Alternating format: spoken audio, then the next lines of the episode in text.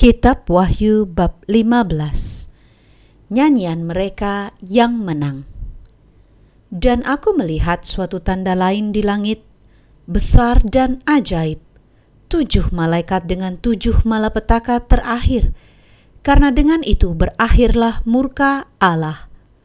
Dan aku melihat sesuatu bagaikan lautan kaca bercampur api. Dan di tepi lautan kaca itu berdiri orang-orang yang telah mengalahkan binatang itu dan patungnya dan bilangan namanya.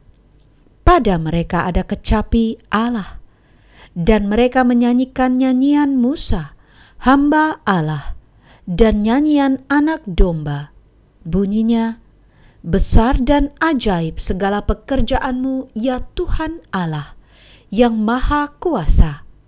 Adil dan benar segala jalanmu, ya Raja segala bangsa.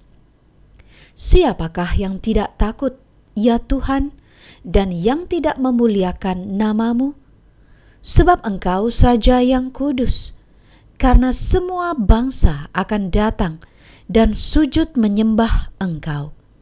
Sebab telah nyata kebenaran segala penghakimanmu tujuh malaikat dengan tujuh cawan murka Allah. Kemudian daripada itu aku melihat orang membuka bait suci, kemah kesaksian di sorga.